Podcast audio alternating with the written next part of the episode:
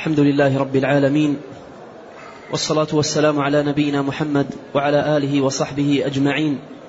أما بعد فيقول شيخ الإسلام أحمد بن عبد الحليم بن عبد السلام بن تيمية رحمه الله تعالى في العقيدة الواسطية وقوله سبحانه ما منعك أن تسجد لما خلقت بيدي؟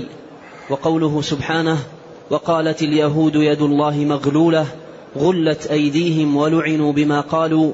بل يداه مبسوطتان ينفق كيف يشاء. الحمد لله رب العالمين وأشهد أن لا إله إلا الله وحده لا شريك له وأشهد أن محمدا عبده ورسوله صلى الله وسلم عليه وعلى آله وأصحابه أجمعين. أما بعد يواصل شيخ الإسلام ابن تيمية رحمه الله تعالى ذكر الآيات المشتملة ذكر الآيات المشتملة على ثبوت ذكر الآيات المشتملة على ثبوت الصفات لله تبارك وتعالى. وقد مر معنا جملة من آيات القرآن الكريم فيها بعض صفات الله عز وجل الفعلية وبعض صفاته تبارك وتعالى الذاتية. وأورد هنا رحمه الله تعالى آيتين في إثبات صفة من صفات الله تبارك وتعالى الذاتية وهي صفة اليدين لله جل وعلا. فالله عز وجل وصف نفسه في القرآن ووصفه رسوله عليه الصلاة والسلام في الصحيح الثابت عنه بأنه جل وعلا له يدان تليقان بجلاله وكماله وعظمته. والقول في اليدين كالقول في جميع الصفات. فالقاعدة واحدة والباب باب واحد. فما يقال في صفة يقال في كل صفة. والقول في بعض الصفات كالقول في البعض الآخر.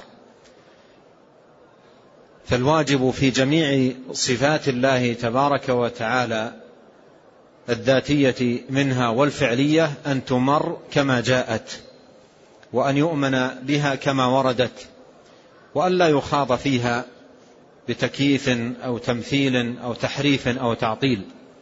فإن ذلك كله من مسالك أهل الضلال وطرائق أهل الباطل. والواجب إثباتهما كما ثبت في القرآن وكما ثبت في سنة النبي عليه الصلاة والسلام.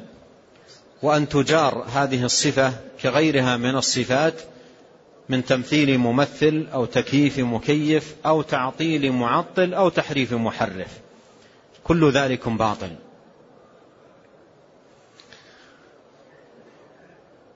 ويد الله جل وعلا الثابتة في هذه النصوص. هي هما يدان حقيقيتان. تليقان بجلال الرب وكماله وعظمته وإضافتهما إليه في مثل قوله بيدي وقوله بل يداه ونحوها من الآيات والأحاديث إضافة تدل على الاختصاص فإن ما يضاف إلى الله سبحانه وتعالى يخصه ويليق بجلاله وكماله وما يضاف إلى المخلوق يخص المخلوق ويليق بحاله وضعفه. ومن يقول عياذا بالله تبارك وتعالى من هذا القول إن يد الله كيد المخلوق ما قدر الله حق قدره ولم يعظمه سبحانه وتعالى حق تعظيمه بل إنه قال كفرا ونطق بأبطل الباطل وأشد الضلال. إذ كيف يقال في صفة من صفات الخالق تبارك وتعالى إنها كصفة المخلوق؟ تعالى الله عما يقولون وسبحان الله عما يصفون. وتأمل في هذا قول الله سبحانه وتعالى في سورة الزمر وما قدر الله حق قدره وما قدر الله حق قدره والأرض جميعا قبضته يوم القيامة والسماوات مطويات بيمينه سبحانه وتعالى عما يشركون. كيف يقول قائل ويتجرأ متجرئ أن يقول عن يد هذه بعض عظمتها إنها كيد المخلوق. تعالى الله عما يقولون وسبحان الله عما يصفون. ولهذا فالتمثيل في صفات الله عز وجل بصفات المخلوقين هذا كفر بالله ولا ينطق به من لله سبحانه وتعالى في قلبه وقار. قد قال الله وقد قال الله تعالى ما لكم لا ترجون لله وقارا وقد خلقكم أطوارا. أي لا تعظمونه سبحانه وتعالى حق تعظيمه. فالله جل وعلا له يدان. وهاتان اليدان وصفتا في النصوص.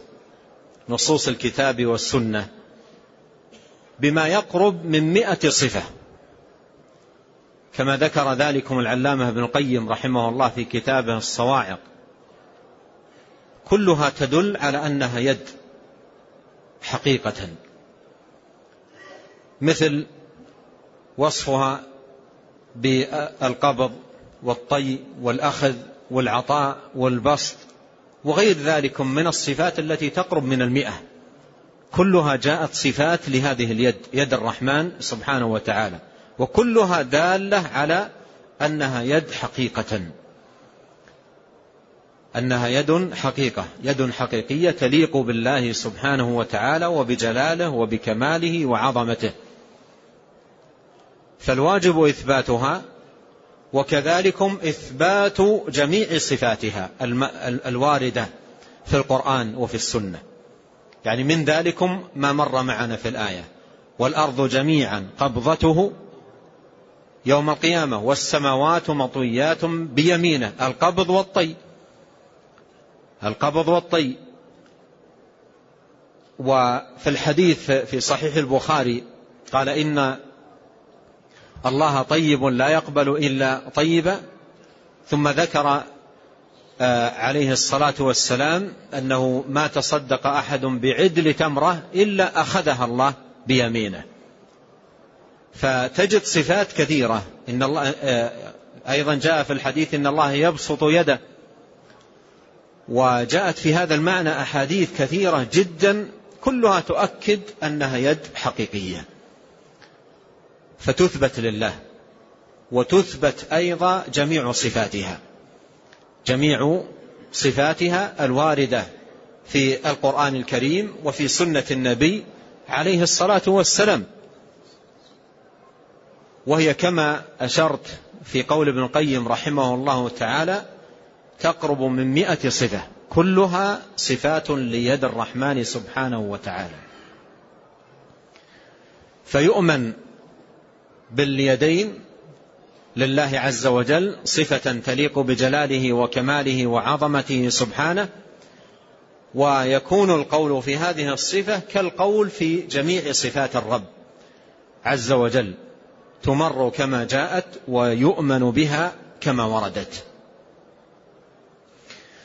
وهما يدان كما هو صريح في ما ساقه المصنف رحمه الله من آيات ففي إحداهما قال بيدي وفي الأخرى قال بل يداه مبسوطتان فهما يدان إثنتان لله سبحانه وتعالى.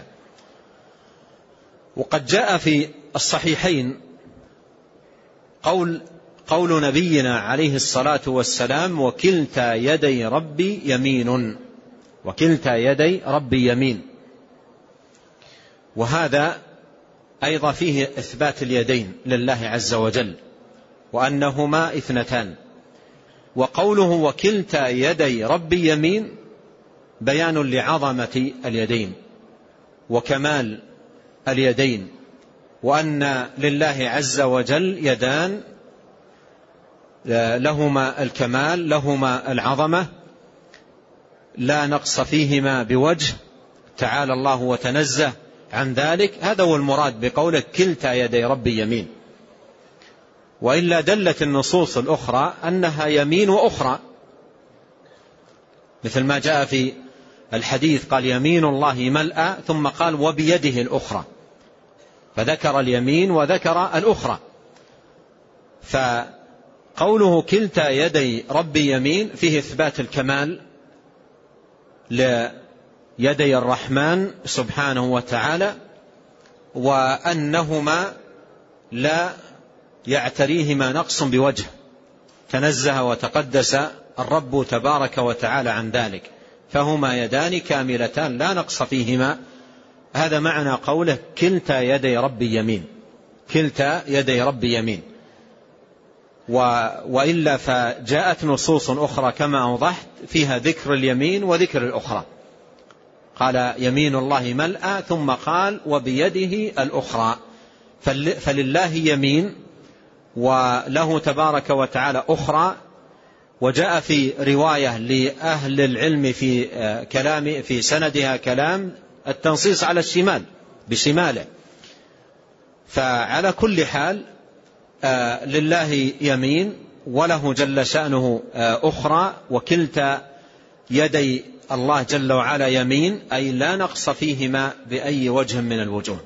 وهذا فيه دفع توهم النقص. قوله وكلتا يدي ربي يمين فيه دفع توهم النقص في صفة الله سبحانه وتعالى. عندما يقال يمين وأخرى قد يتوهم متوهم أو يظن ظان أن الأخرى أنقص أو ناقصة أو نحو ذلك. قال كلتا يدي ربي يمين. كلتا يدي ربي يمين أي كلتاهما آه، كاملتان. لا نقص في شيء من وصف الرب سبحانه وتعالى. لا نقص في شيء من وصف الرب سبحانه وتعالى. فاليدان ثابتتان لله ويجب الإيمان بهما وإثباتهما حقيقة صفة لله عز وجل كما جاءت بها النصوص ولا يجوز تأويلها. كأن تؤول بالقدرة مثلا أو تؤول بالنعمة أو نحو ذلك من التأويلات الباطلة التي ابتلي بها أهل الكلام.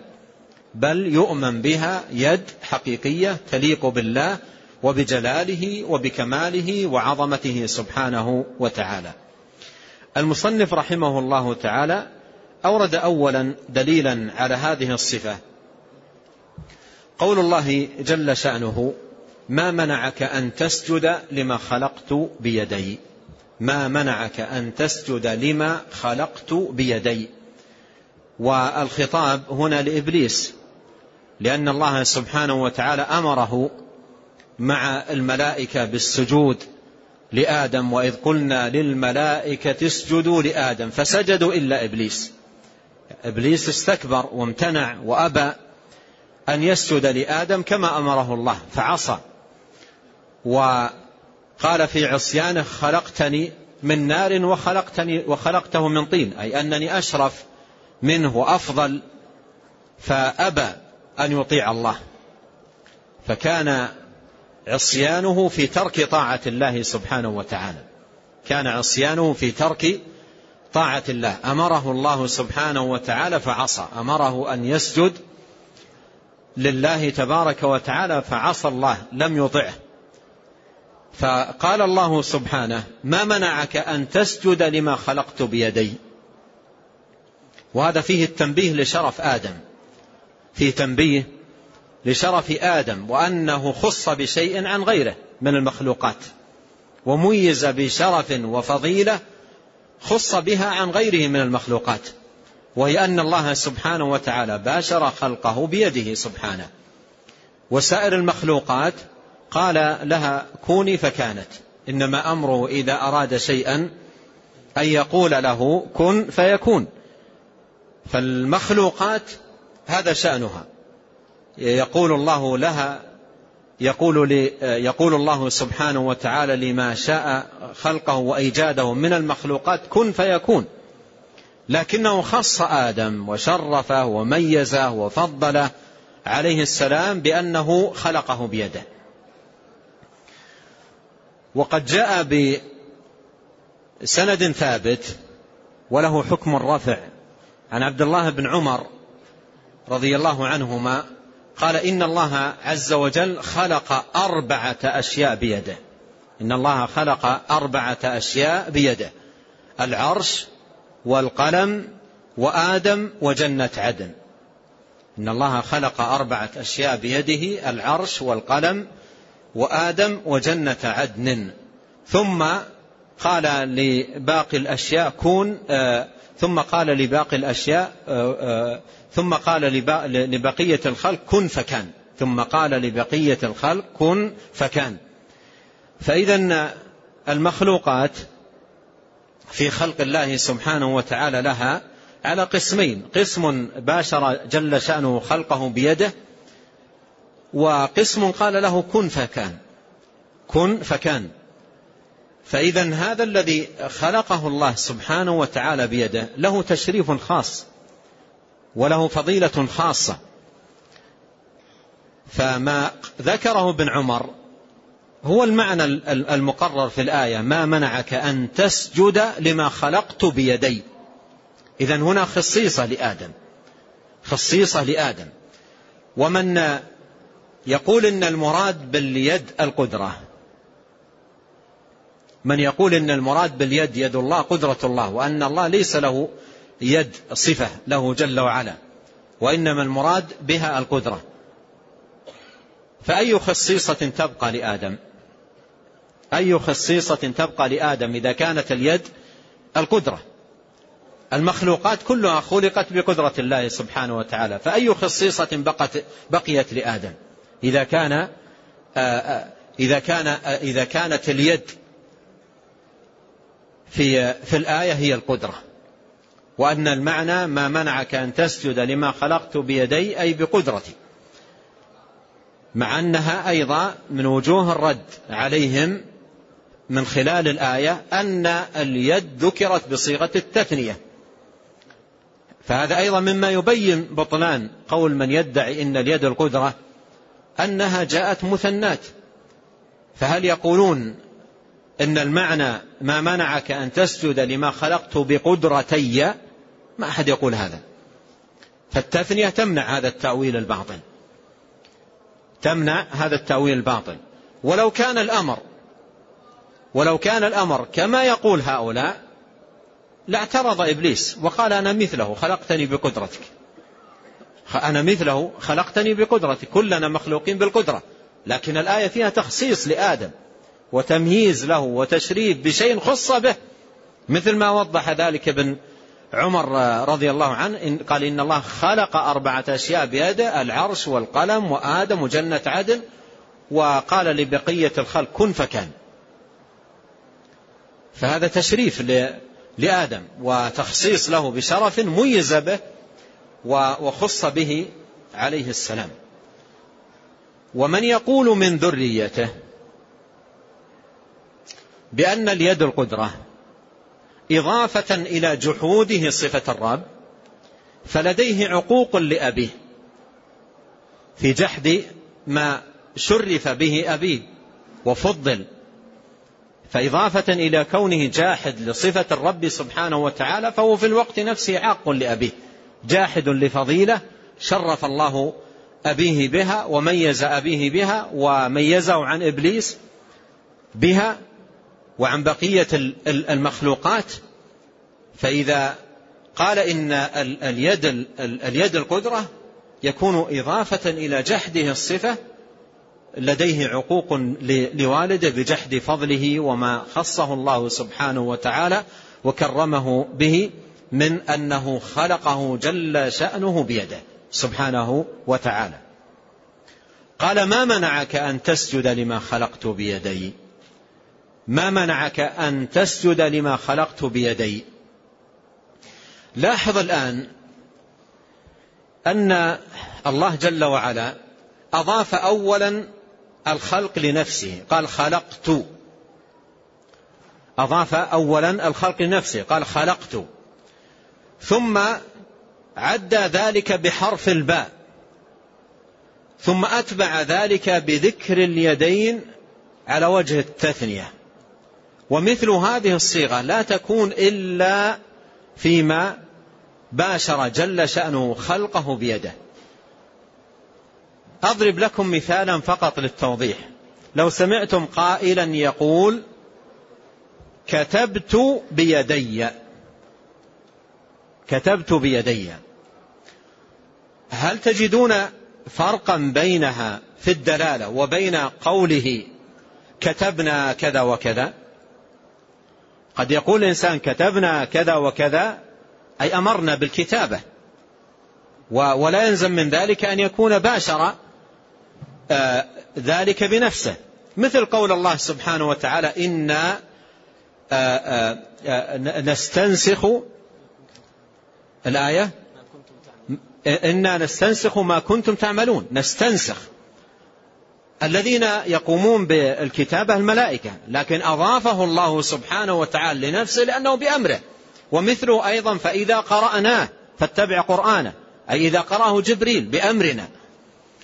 لكن هذه الصيغة عندما يقول قائل كتبت بيدي أضاف أولا الكتابة لنفسه ثم عداه بحرف الباء ثم ذكر اليدين. هذه لا تكون إلا فيما باشر فيه الأمر بنفسه. فقوله سبحانه وتعالى ما منعك أن تسجد لما خلقت بيدي؟ فرق بينها وبين قوله سبحانه وتعالى مما أولم يروا أنا خلقنا لهم مما عملت أيدينا. أضاف العمل لليدين. فالصيغة مختلفة. فإذا قوله ما منعك أن تسجد لما خلقت بيدي؟ هذه صريحة. وواضحة. في إثبات اليدين صفة لله تبارك وتعالى تليق بجلال الرب وكماله وعظمته سبحانه وفيها أيضا إبطال لمن يتأول. لأن من يتأول بالقدرة تستطيع أن تسأل في ضوء هذه الآية. الله قال بيدي. إذا كنت تقول هي اليد القدرة هل هما قدرتان؟ ثم أيضا تناقش في ضوء التقرير السابق في آه، جحد فضيلة آدم فيما خص الله تبارك وتعالى به. آدم ما الفرق بين آدم وخلق خلق آدم وخلق إبليس؟ ونحو ذلك من المعاني المستفادة من الآية الكريمة. كذلك من يتأول اليد بالنعمة. من يتأول اليد بالنعمة. الآية رد عليه.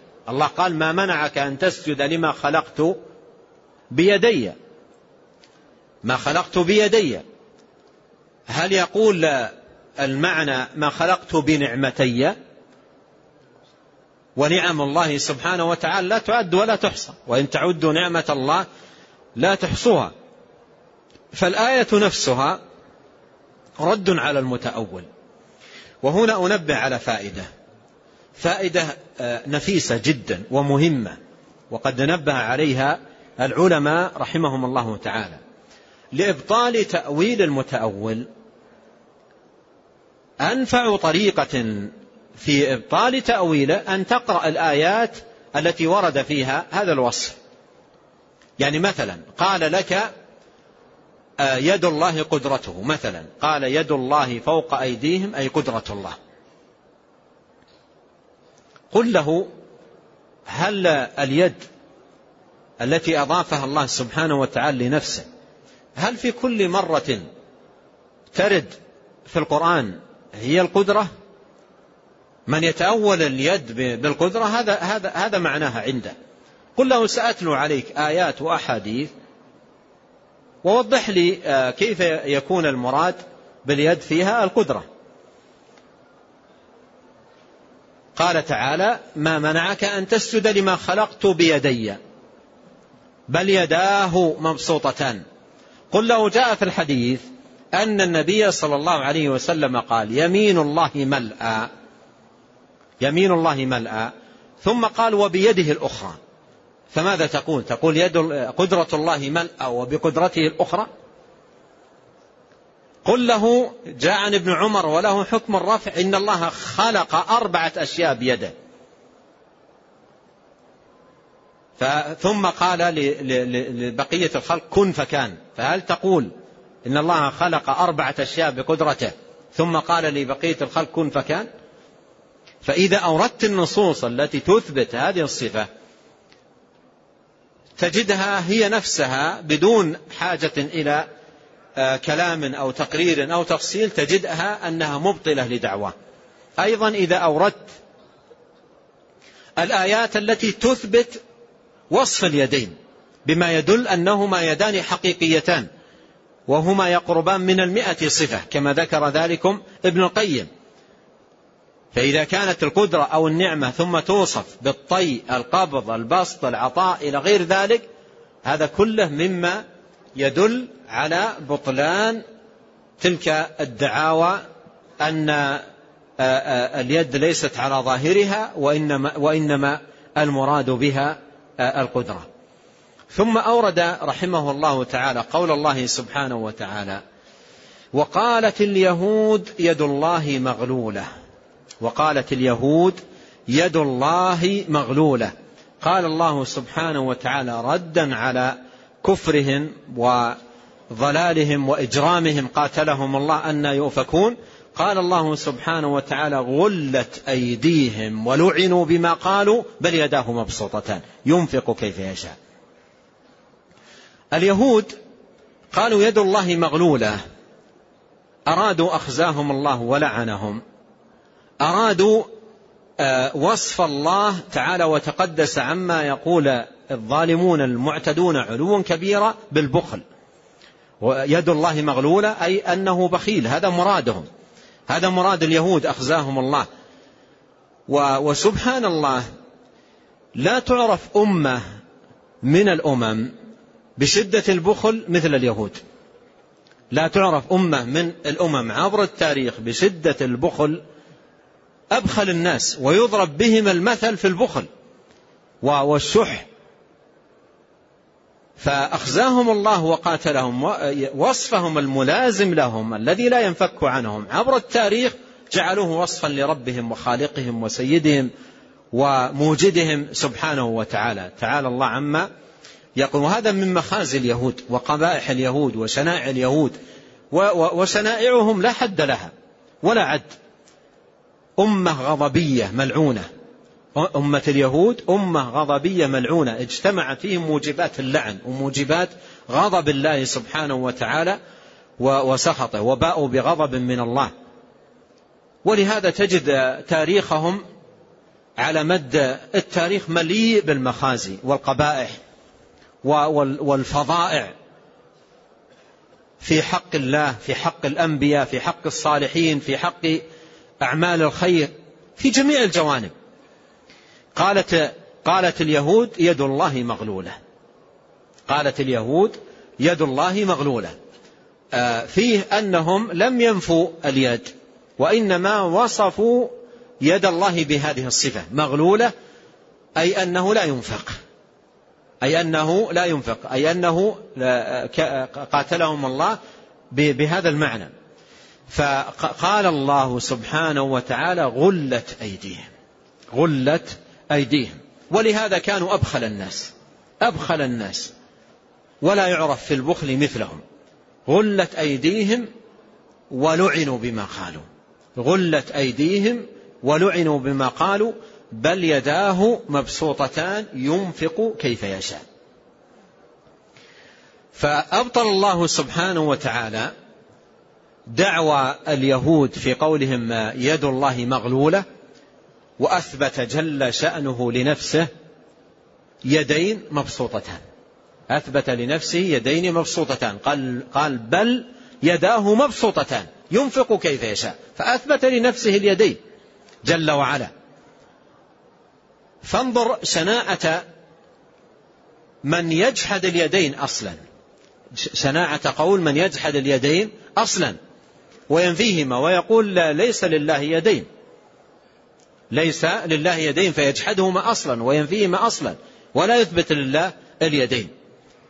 قال بل يداه مبسوطتان فأثبت لله فأثبت الله لنفسه سبحانه وتعالى يدين ووصفهما بالبسط أي أنه سبحانه وتعالى ينفق يد الله مبسوطة أي ينفق. مثل ما جاء في الحديث قال يمين الله ملأى لا يغيضها أي لا ينقصها نفقة. سحاء الليل والنهار. يمين الله ملأى لا يغيضها نفقة. سحاء الليل والنهار وبيده الأخرى القسط يخفض ويرفع. قال يمين الله ملأى لا يغيضها نفقة أي لا ينقصها نفقة. قال أرأيتم ما أنفق منذ خلق السماوات والأرض فإنه لم يغضي ما في يمينه لم ينقص ما في يمين الرحمن. وذلك أن عطاء الرب سبحانه وتعالى كلام ومنعه كلام. يا عبادي لو أن أولكم وآخركم وإنسكم وجنكم قاموا في صعيد واحد فسألوني فأعطيت كل واحد مسألة ما نقص ذلك من ملكي شيئا إلا كما ينقص المخيط إذا غمس في البحر. إذا أخذت مخيط إبرة وأتيت للبحر الواسع المترامي الأطراف وغمست الإبرة فيه ورفعتها.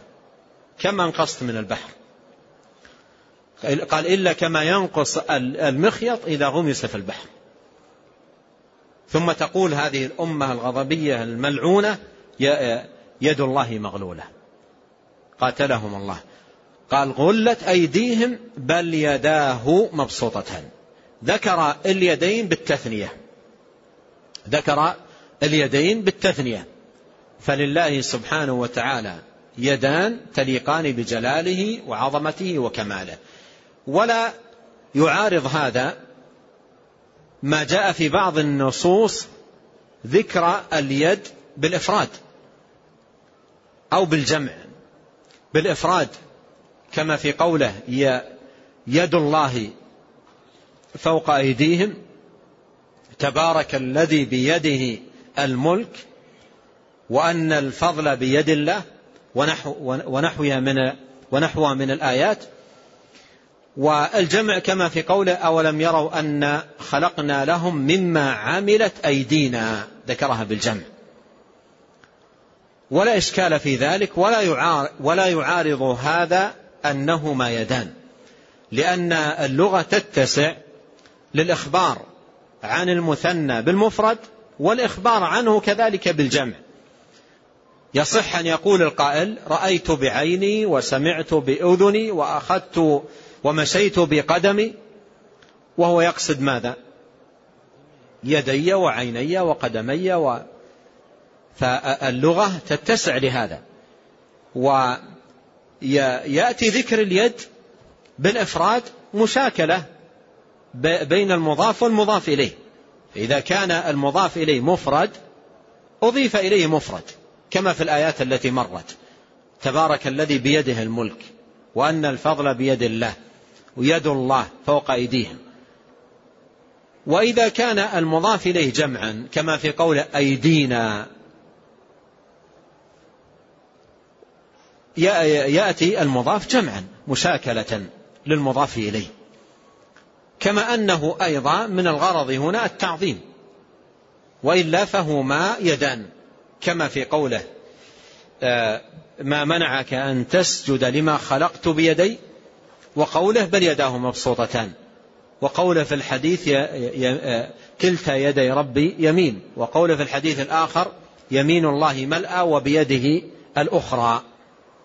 فالله سبحانه وتعالى له يدان تليقان بجلاله وكماله وعظمته فالواجب الإيمان بهما وإثباتهما لله سبحانه وتعالى على الوجه اللائق بجلاله وكماله وكذلكم الواجب أن تثبت جميع الصفات التي جاءت ليدي الرحمن مما ورد في القرآن وفي سنة النبي الكريم عليه الصلاة والسلام.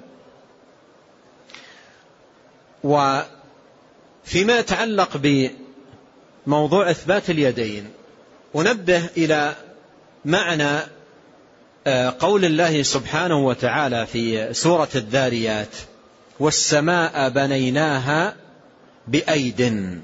والسماء بنيناها بأيد وإنا لموسعون. اقرأ في كتب السلف عند ابن كثير وغيره من أئمة السلف. يقولون والسماء بنيناها بأيد أي بقوة. يقول والسماء بنيناها بأيد أي بقوة. ومن لا يفهم يظن هذا تأويلا لليد وأنه أول اليد بالقوة وفسر اليد بالقوة. وهذا قول من لا يفهم وهذا قول من لا يفهم آه، كلام أهل العلم ولا يفهم أيضا دلالات الألفاظ في في اللغة. لأن قوله السماء بنيناها بأيد أيد هنا ليست جمع يد ليست جمع يد. وإنما هي مصدر للفعل آدى يئيد أيدا. مصدر. قوي يقوي قوة. والأيد القوة. أيدتك بروح القدس قويتك. التأييد التقوية. فالسماء بنيناها بأيد. السماء بني والسماء بنيناها بأيد بقوة. لأن أيد هنا ليست جمع يد وإنما هي مصدر. للفعل آد يأيد أيدا أي قوي يقوي قوة. فالأيد القوة هذا معناها لغة. فبعض الناس يرى ذلك ويظنه تأويل لليد بالقوة. ويقول مثلا ابن كثير أو السلف أول اليد بالقوة ويورد هذا النص. وهذا فعله بعض الناس وخاصة من أهل البدع الذين يريدون التشغيب على آه، أهل السنة. وقالوا ذلك قديما. قالوا ذلك قديما. ولهذا الإمام بن خزيمة في كتاب التوحيد رحمه الله تعالى في رد على أحد هؤلاء المشغبين قال من يقول قال من لا يفرق بين اليد والأيد؟ اليد والأيد الذي هو الأيد الذي هو القوة. قال من لا يفرق بين اليد والأيد؟ فهو أحوج أن يسلم إلى الكتاتيب. قال أحوج أن يسلم إلى الكتاتيب ليتعلم منه أن يترأس ويناظر. أحوج أن يسلم إلى الكتاتيب يعني الذي يعلم الصبيان والصغار اللغة والمعاني والمفردات ويسلم لهم حتى يعلموه. إذا كان لا يفرق بين يد وأيد. ولهذا إذا لاحظت في في رسمها في المصحف في رسمها في, في المصحف تجدها في سورة الذاريات رسمت بيائين رسمت بيائين إحداهما لا تنطق. ونص في كتب الرسم أن ذلك من أجل أن يميز بين الأيد الذي هو مصدر وبين الأيد الذي هو جمع يد. أيدينا هذه جمع يد. فحتى يميز بين الذي هو جمع يد وبين الذي هو مصدر كتبت بيائين إحداهما لا تنطق. إحداهما لا تنطق ونص في كتب الرسم على هذا المعنى. ثم يأتي بعض هؤلاء المشغبة ويقولون السلف يؤولون ويقولون اليد القدرة اقرأوا في سورة الذاريات كلام بن كثير وكلام فلان وكلام فلان. فإذا قوله سبحانه وتعالى والسماء بنيناها بأيد معناها بقوة وهو مصدر وليس جمع. نعم. قال رحمه الله تعالى وقوله سبحانه واصبر لحكم ربك فإنك بأعيننا. وقوله وحملناه على ذات ألواح ودسر تجري بأعيننا جزاء لمن كان كفر. وقوله سبحانه وألقيت عليك محبة مني ولتصنع على عيني. ثم أورد رحمه الله تعالى هذه الآيات في إثبات العين صفة لله سبحانه وتعالى. وكما قرأنا في هذه الآيات في بعضها ذكرت بصيغة الجمع أعيننا وفي بعضها بصيغة المفرد ولتصنع على عيني. فذكرت بصيغة الجمع وذكرت أيضا بصيغة الإفراد. ولما يأتي في القرآن ذكر العينين بصيغة التثنية. والثابت فيما دلت عليه الأدلة أن الله سبحانه وتعالى له عينان تليقان بجلاله وكماله وعظمته سبحانه. ودل على التثنية دل على التثنية ما ثبت في الصحيح عن النبي صلى الله عليه وسلم أنه قال إن الدجال أعور وإن ربكم ليس بأعور. إن الدجال أعور وإن ربكم ليس بأعور.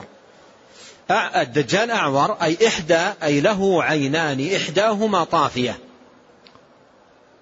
إحداهما طافية. وهذا هو العور في اللغة.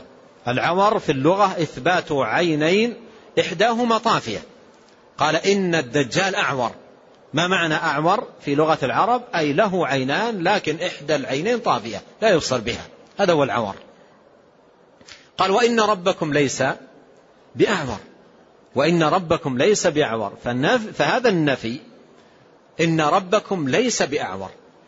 والقاعدة عند أئمة السلف رحمهم الله في باب النفي أن كل نفي يتعلق ب آه، فيما يتعلق بصفات الله متضمن ثبوت كمال الضد. فقول إن ربكم ليس بأعور فيه ثبوت عينين كاملتين لا نقص فيهما للرب سبحانه وتعالى. هذا هو المعنى. هذا هو المعنى. إن ربكم ليس بأعور أي له تبارك وتعالى عينان تليقان بجلاله وكماله وعظمته سبحانه لا نقص فيهما بأي وجه من الوجوه. والله سبحانه وتعالى له المثل الأعلى يعني الوصف الكامل الذي لا نقص فيه بوجه من الوجوه. فإذا دلت السنة الصحيحة الثابتة عن الرسول عليه الصلاة والسلام أنهما عينان. وجاء في بعض الأحاديث فيها التصريح بالعينين إذا قام المصلي فإنما يقوم بين عيني الرحمن لكن في سنده مقال لم يثبت. لكن هذا ثابت. إن ربكم ليس بأعور وهو صريح في الدلالة على ثبوت العينين لله سبحانه وتعالى. وإذا قيل إنهما عينان كما دلت على ذلكم السنة الصحيحة فإن هذه الآيات التي بعضها ذكرت بالجمع وبعضها ذكرت بالإفراد ليست معارضة للحديث الدال على أنهما عينان. وقد عرفنا فيما سبق أن اللغة تحتمل أن يعبر عن المفرد بال عن المثنى بالمفرد وأن يعبر عنه أيضا بالجمع مراعاة للمشاكلة. فلاحظ هنا لما قال ولتصنع على عيني ما قال على أعيننا أفرد العين ذكر العين بصيغة الإفراد. ولما ذكر الضمير بصيغة الجمع أعيننا جمع العين لم يقل عيننا وإنما قال أعيننا مشاكلة بين المضاف والمضاف إليه. فاللغة تحتمل هذا. يعبر عن المفرد بال بال بال يعبر عن مثنى بالمفرد يقال رأيت بعيني ويقصد بعيني سمعت بأذني ويقصد أذني مشيت بقدمي يقصد بقدمي. ويعبر أيضا عنه بالجمع تعظيما. يعبر عنه بالجمع تعظيما بأعيننا على وجه التعظيم. فالشاهد أن الله سبحانه وتعالى له عينان تليقان بجلاله وكماله ويبصر بهما جميع المبصرات. ولهذا جاء في الحديث حجابه النور لو كشفه لأحرقت سبحات وجه من انتهى إليه بصره من خلقه. من انتهى إليه بصره من خلقه. قال آه، آه، قال آه، وقوله واصبر لحكم ربك. وقوله واصبر لحكم ربك فإنك بأعيننا. هذه الآية الأولى. واصبر لحكم ربك. أمر بالصبر. والصبر هو حبس النفس. هذا معناه الصبر حبس النفس. وهنا الصبر المطلوب من العبد صبر لحكم الله. صبر لحكم الله. وكنا عرفنا فيما سبق أن الحكم الذي هو صفة الله الذي يدل عليه اسمه الحكم واسمه الحكيم يتناول حكم الله الكوني القدري ويتناول أيضا حكم الله الشرعي الديني. يتناول هذا وهذا. وفي الآية قال واصبر لحكم ربك. واصبر لحكم ربك. والحكم هنا يتناول الأمرين. يتناول الحكم الكوني القدري ويتناول الحكم الشرعي الديني. فقوله واصبر لحكم ربك أي اصبر لحكم ربك الكوني إذا قدر الله قدرا وأصبت بمصيبة فاصبر. اصبر على أقدار الله. اصبر لحكم ربك أي اصبر على أقدار الله سبحانه وتعالى. واصبر لحكم ربك أي الحكم الشرعي الديني والحكم الشرعي الديني أمر ونهي. حكم الله الشرعي الديني إما أمر أو نهي. فاصبر لحكم ربك أي الشرعي إن كان مأمورا اصبر على فعله وإن كان منهيا اصبر على تركه. فتكون فيكون قوله واصبر لحكم ربك جمع أنواع الصبر الثلاثة. قوله واصبر لحكم ربك جمع أنواع الصبر الثلاثة الصبر على طاعة الله والصبر عن معصية الله والصبر على أقدار الله. كلها اجتمعت في قوله واصبر لحكم ربك. ووجه اجتماعها أن الحكم يتناول الكوني القدري ويتناول الشرعي الديني. فإذا كان الكون القدري فاصبر لحكم الله أي اصبر على أقدار الله. وإذا كان الحكم الشرعي الديني فأحكام الله الشرعية الدينية أوامر ونواهي. فاصبر على الأوامر فعلا لها واصبر عن النواهي تركا لها وبعدا عنها. ولهذا العلماء يقولون الصبر أنواع ثلاثة صبر على الطاعة وصبر عن المعصية وصبر على أقدار الله المؤلمة.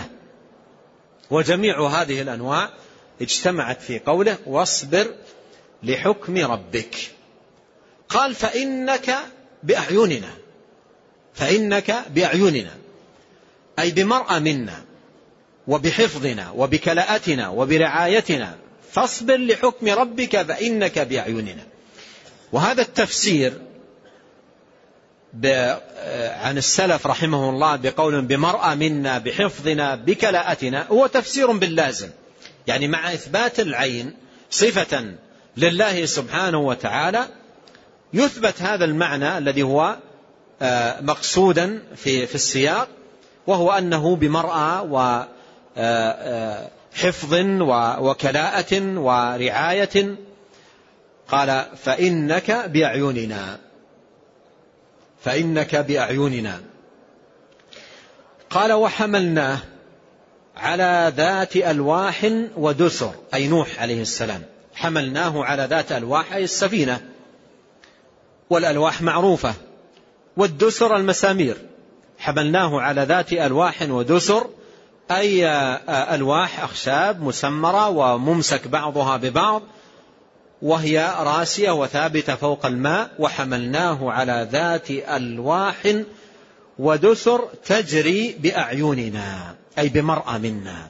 تجري بأعيننا أي بمرأى منا باطلاعنا. وهذا أيضا يتضمن معنا الحفظ والكلاءة والرعاية. تجري بأعيننا.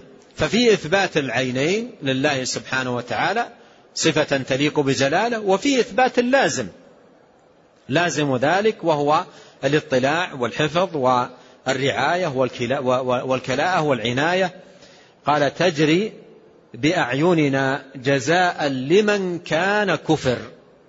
جزاء لمن كان كفر. أي أن الله سبحانه وتعالى عاقب الكفار الذين آه، كذبوا نوحا عليه السلام بأن أغرقهم أجمعين. وكتب الله سبحانه وتعالى النجاة لمن كان على ذات ألواح ودسر وهو نوح ومن آمن معه وما آمن معه إلا قليل. ثم أورد قول الله سبحانه وتعالى ولتصنع على عيني. وهذه تتعلق بموسى. وهذه تتعلق بموسى. الأولى تتعلق بمحمد عليه الصلاة والسلام والثانية بنوح والثالثة بموسى عليه السلام. قال ولتصنع على عيني. ولتصنع أي لتنشأ وتربى آه وتترعرع على عيني على عيني أي بمرأة مني. هنا في هذا الموضع قال على عيني ولم يقل بعيني مثل ما سبق قال بأعيننا. فإنك بأعيننا. قال فإنك بأعيننا تجري بأعيننا. هنا قال ولتصنع على عيني. بعض أهل العلم ألمح هنا إلى لطيفة. وهي أن المعنى الذي يتعلق بنشأة موسى عليه السلام فيه ظهور لأن فرعون في ذلك الوقت كان لا يبقي طفلا لبني إسرائيل إلا وقتله إلا وقتله. خوفا من ماذا؟ من آه، مجيء موسى عليه السلام. خوفا مجيء موسى عليه فكان لا يبقي طفلا إلا قتله لا يسمع بطفل إلا قتله. فيشاء الله سبحانه وتعالى أن يتربى هذا الذي يخاف منه وقتل الأطفال أطفال بني إسرائيل من أجله خوفا منه أن ينشأ ببيته وتحت رعايته وبمرأة منه وأمامه. ينشأ ويكبر عنده في بيته. فجاء هنا بحرف على الذي يعطي معنى الظهور. يعطي معنى الظهور. قال ولتصنع على. فهذا فيه ظهور. تصنع على عينه. هذا في معنى الظهور. أي, أي, أي أن نشأة موسى ووجود موسى وتربي موسى وترعرع موسى عليه السلام فيه ظهور. وفي في المكان الذي هذا العدو فرعون قتل الأطفال في ذلك الزمان خوفا من هذا الولد. فيتربى ظاهرا علنا في بيته. آية من آيات الله. فيتربى ظاهرا علنا في بيته ولهذا قال ولتصنع على عيني. ولتصنع على عيني. فقوله ولتصنع على عيني على عيني أي بمرأى واطلاع وحفظ من الله سبحانه وتعالى فيكون النص يجمع أمرين. يجمع أمرين إثبات العين صفة لله وإثبات اللازم وهو ماذا؟ الرعاية والحفظ والكلاءة ونحو ذلك. هذه كلها ثابتة. كلها ثابتة. فتجد في في كتب السلف تجوزا يقتصرون على المعنى الآخر اللازم. يقولون آه ولتصنع على عيني أي بحفظي مثلا أو بمرأة مني أو برعايتي أو نحو ذلك. هنا هذا القول عندما يقال هل هو حق أو باطل في تفسير الآية ما الجواب؟ الجواب إن قصر معنى الآية عليه وادعي نفي العين فهذا تأويل باطل. أما إذا كان مثبتا للعين صفة لله سبحانه وتعالى واقتصر عند بيان المعنى على ذكر اللازم فهذا لا حرج فيه. يعني مثلا تجد بعض السلف يقول بل آه، آه، يقول في قوله تعالى بيدك الخير يقول واسع الفضل جزيل العطاء. بيدك الخير يقول أي واسع الفضل جزيل العطاء. متى يكون هذا التفسير حق ومتى يكون باطل؟ متى يكون هذا التفسير حق ومتى يكون باطلا. يقول بعضهم آه، بيدك الخير أي واسع الفضل جزيل العطاء. إذا كان ينفي اليد صفة لله ويجعل هذا هو المعنى فقط معنى في اليد صفة لله التأويل باطل. أما إذا كان مثبتا لليد صفة لله سبحانه وتعالى واقتصر على في تفسير الآية على لازمها فهذا لا حرج فيه. ولهذا بعض المفسرين تجوزا يقتصر على ذكر اللازم في بيانه للمعنى دون نفي منه للأصل. هذا لا حرج فيه. وهذا الفرقان بين تفاسير السلف وتفاسير غيرهم من نفاة الصفات. وهذا الموضع في كتب التفسير يحتاج أن تعرف منهج المفسر. يحتاج أن تعرف منهج المفسر. هل هو من المثبتة أو من النفاة؟ إذا كان من النفاة فإنه عندما يقول بل يد عندما يقول بيدك الخير أي واسع الفضل يقصر المعنى على هذا ويجحد اليد صفة لله. وهذا تأويل باطل. وإذا كان من المثبتة فإنه يكون في هذا الموضع تجوز في التفسير واكتفى بأن ذكر اللازم مقتصرا على ذكره وليس جاحدا آه، الصفة آه، لله تبارك وتعالى. فالخلاصة أن هذه الآيات الكريمات فيها إثبات العين صفة لله وقد دلت السنة آه، الصحيحة أنهما عينان تليقان بجلال الله وكماله وعظمته سبحانه وتعالى والواجب الإيمان بهما وإثباتهما لله كما أثبتهما الله لنفسه وأثبتهما له رسوله عليه الصلاة والسلام. وأن يحذر المسلم أشد الحذر من المسالك التي سلكها أهل الباطل إما تشبيها أو تعطيلا أو تحريفا أو تكييفا. يحذر من ذلك كله ويؤمن بهذه الصفات كما جاءت ويمرها كما وردت. وأيضا أن يجاهد نفسه على تحقيق العبوديات التي يقتضيها هذا الإيمان.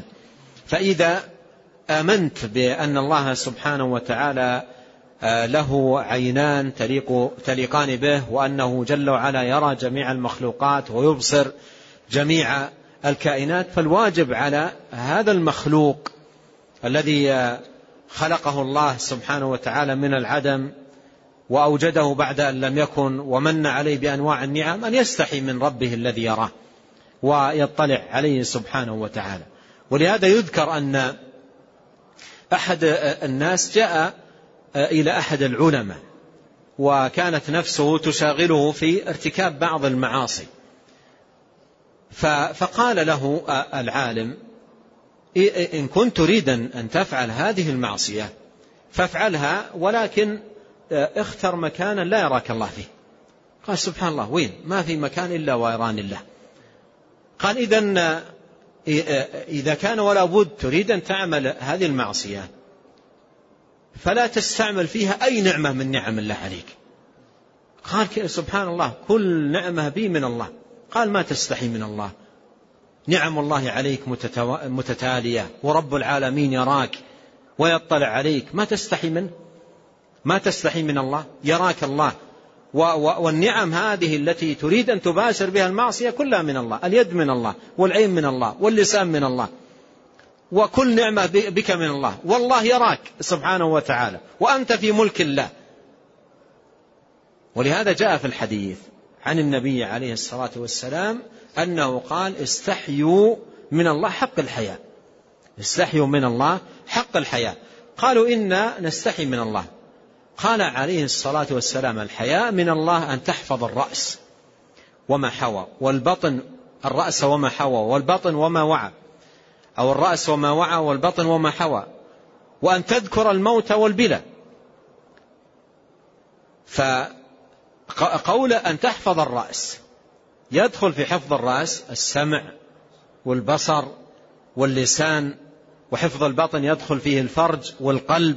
هذه كلها يجب على الإنسان حياء من الله رب العالمين سبحانه وتعالى أن يحفظ هذه آه، الأشياء حياء من رب العالمين الذي يراه. فإذا إيمان العبد بهذه الصفات إيمانا صحيحا يعمر قلبه ويملأ فؤاده له أثر عظيم جدا على العبد في سلوكه في حياته في تعاملاته. دائما يذكر أن رب العالمين يراه. ولهذا لما أراد لقمان الحكيم أن يربي ابنه لم يربه على طريقة كثير منا عندما يربي ولده يقول انتبه أنا متابعك أنا وراك أنا أسأل عنك أنا إلى آخره. ما قال له هذا الكلام؟ قال يا بني إنها إن تك مثقال حبة من خردل فتكن في صخرة أو في السماوات أو في الأرض يأتي بها الله. إن الله لطيف خبير. والخبير هو الذي يعلم بواطن الأمور كما يعلم ظواهرها. فنبهه إلى علم الله به واطلاعه عليه ولهذا قال العلماء رحمهم الله إن أكبر زاجر للعبد وأكبر واعظ أن يعلم أن الله يراه. ويسمع كلامه ويرى فعاله ويرى حركاته وسكناته. فهذا الإيمان له الأثر العظيم على العبد حياء من الله وخوفا من الله ومراقبة لله سبحانه وتعالى. بحفظ الأقوال وحفظ الأعمال وحفظ الحركات والسكنات والتوفيق بيد الله وحده لا شريك له. نسأل الله عز وجل أن يوفقنا أجمعين لما يحبه ويرضاه من سديد الأقوال وصالح الأعمال وأن يصلح لنا أجمعين شأننا كله وألا يكلنا إلى أنفسنا طرفة عين لا قوة إلا بالله. نعم. أحسن الله ليكم وبارك فيكم ونفعنا الله بما قلتم وغفر الله لنا ولكم وللمسلمين. يقول هذا السائل ما الفرق بين كتاب الصواعق المرسلة لابن القيم ومختصره لابن الموصلي؟ ولماذا يذكر المختصر أكثر؟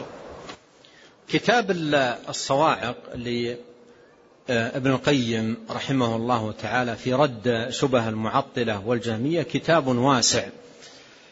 ولم يوجد منه إلا مقدار الثلث ثلث الكتاب وبقية الكتاب مفقود. وابن الموصلي رحمه الله اختصره اختصره وزمن ابن الموصلي مقارب لزمن ابن القيم فاختصره في وقت مبكر.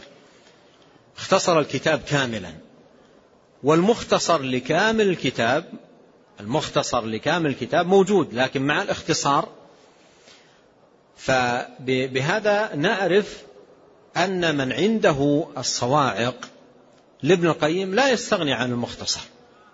لا يستغني عن المختصر لأن الصواعق يمثل الثلث الأول من الكتاب والباقي مفقود. ومختصر الصواعق للكتاب كاملا.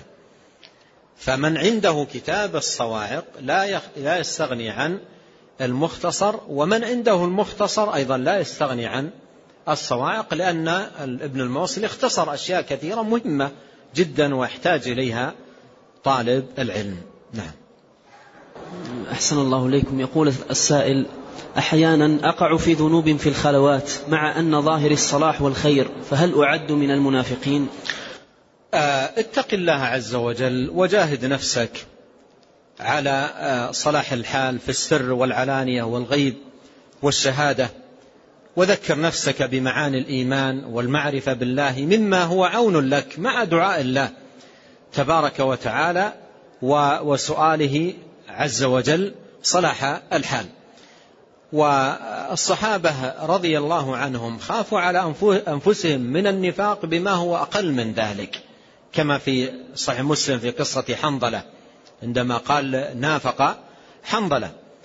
وعبد الله بن أبي مليكة قال أدركت أكثر من ثلاثين صحابيا كلهم يخاف النفاق على نفسه. فالعبد دائما يكون في خوف ورؤية للتقصير وأنه لا يزال مقصر في جنب الله تبارك وتعالى ويجاهد نفسه على الصلاح. نعم. أحسن الله إليكم. يقول كيف نجمع بين قوله تعالى بل يداه مبسوطتان وقولنا أن إنفاق الله تعالى يكون بالقول؟ لا تعارض. لا تعارض بين هذا وهذا. فالله سبحانه وتعالى كما في الحديث الصحيح يمينه ملأ لا يغيضها نفقة سحاء, سحاء الليل والنهار و آه، آه، ومر معنا في الآية الكريمة بل يداه مبسوطتان فهذا حق. وأيضا آه، ما دل عليه قوله تعالى إنما أمره إذا أراد شيئا أن يقول له كن فيكون. نعم. كل ذلكم حق. نعم. أحسن الله إليكم. يسأل عن مقولة تنتشر بين الناس يقول أن الله على ما يشاء قدير فهل هذا صحيح؟ هذه العبارة إن قصد بها أن قدرة الله سبحانه وتعالى آه، مقتصرة على ما يشاؤه فمعناها غير صحيح. إذا كان المراد بها هذا أن أن القدرة قدرة الله ليست شاملة وإنما هي آه، مقتصرة على ما شاءه وأن وأنه قدير على ما شاء. فهذا المعنى غير صحيح. وإذا كان المراد بها آه، ما دل عليه مثل قوله تعالى كذلك كذلك الله يفعل ما يشاء فعال لما يريد. فهذا المعنى حق. نعم. أحسن الله إليكم. يقول هل صح أن الله سبحانه وتعالى باشر كتابة التوراة بيده؟ جاء في في في حديث المحاجة في الصحيح. قال قال موسى لآدم خلقك الله بيده وفي قال وكتب التوراة بيده. وكتب وكتب التوراة بيده. فكون الله سبحانه وتعالى كتب التوراة بيده هذا ثابت. نعم. أحسن الله إليكم. يقول هل من يفسر صفة المعية بالتوفيق صحيح ذلك؟ المعية الخاصة لأن المعية عامة وخاصة وسيأتي تفصيلها عند شيخ الإسلام المعية الخاصة فيها آه، تدل على معاني منها التوفيق والتسديد والحفظ. قال إنني معكما أسمع وأرى. إذ يقول لصاحبي لا تحزن إن الله معنا. أي معهم معية خاصة فيها الحفظ والتوفيق والتأييد والتسديد ونحو ذلك من المعاني. هذا ونسأل الله الكريم رب العرش العظيم أن يصلح لنا شأننا كله وأن ينفعنا بما علمنا وأن يجعل ما نتعلمه حجة لنا.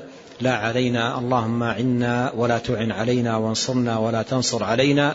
وامكر لنا ولا تمكر علينا واهدنا ويسر الهدى لنا. وانصرنا على من بغى علينا. اللهم اجعلنا لك شاكرين لك ذاكرين إليك أواهين منيبين لك مخبتين لك مطيعين. اللهم تقبل توبتنا واغسل حوبتنا وثبت حجتنا واهد قلوبنا وسدد ألسنتنا واسلل سخيمة صدورنا. اللهم وأصلح ذات بيننا وألب بين قلوبنا واهدنا سبل السلام وأخرجنا من الظلمات إلى النور. وبارك لنا في أسماعنا وأبصارنا وقوتنا ما أحييتنا. اللهم وأعنا أجمعين على ذكرك وشكرك وحسن عبادتك ولا تكلنا إلى أنفسنا طرفة عين. اللهم فرج هم المهمومين ونفس كرب المكروبين واقض الدين عن المدينين واشف مرضانا ومرضى المسلمين. ونسأل الله الكريم بأسمائه الحسنى وصفاته العليا وبأنه الله الذي لا إله إلا هو الذي وسع كل شيء رحمة وعلما أن يلطف بإخواننا المسلمين في آه، ليبيا وفي تونس وفي مصر وفي اليمن وفي كل مكان وأن يحفظ المسلمين في كل مكان بحفظه إنه تبارك وتعالى الحفيظ لا شريك له. ونسأل الله عز وجل أن يغفر لنا جميعا ولوالدينا ولمشايخنا وللمسلمين والمسلمات والمؤمنين والمؤمنات الأحياء منهم والأموات. اللهم اقسم لنا من خشيتك ما يحول بيننا وبين معاصيك ومن طاعتك ما تبلغنا به جنتك ومن اليقين ما تهون به علينا مصائب الدنيا. اللهم متعنا بأسماعنا وأبصارنا وقوتنا ما أحييتنا واجعله الوارث منا. واجعل ثأرنا على من ظلمنا وانصرنا على من عادانا. ولا تجعل مصيبتنا في ديننا. ولا تجعل الدنيا أكبر همنا ولا مبلغ علمنا. ولا تسلط علينا من لا يرحمنا. سبحانك اللهم وبحمدك. أشهد أن لا إله إلا أنت أستغفرك وأتوب إليك. اللهم صل وسلم على عبدك ورسولك نبينا محمد وآله وصحبه.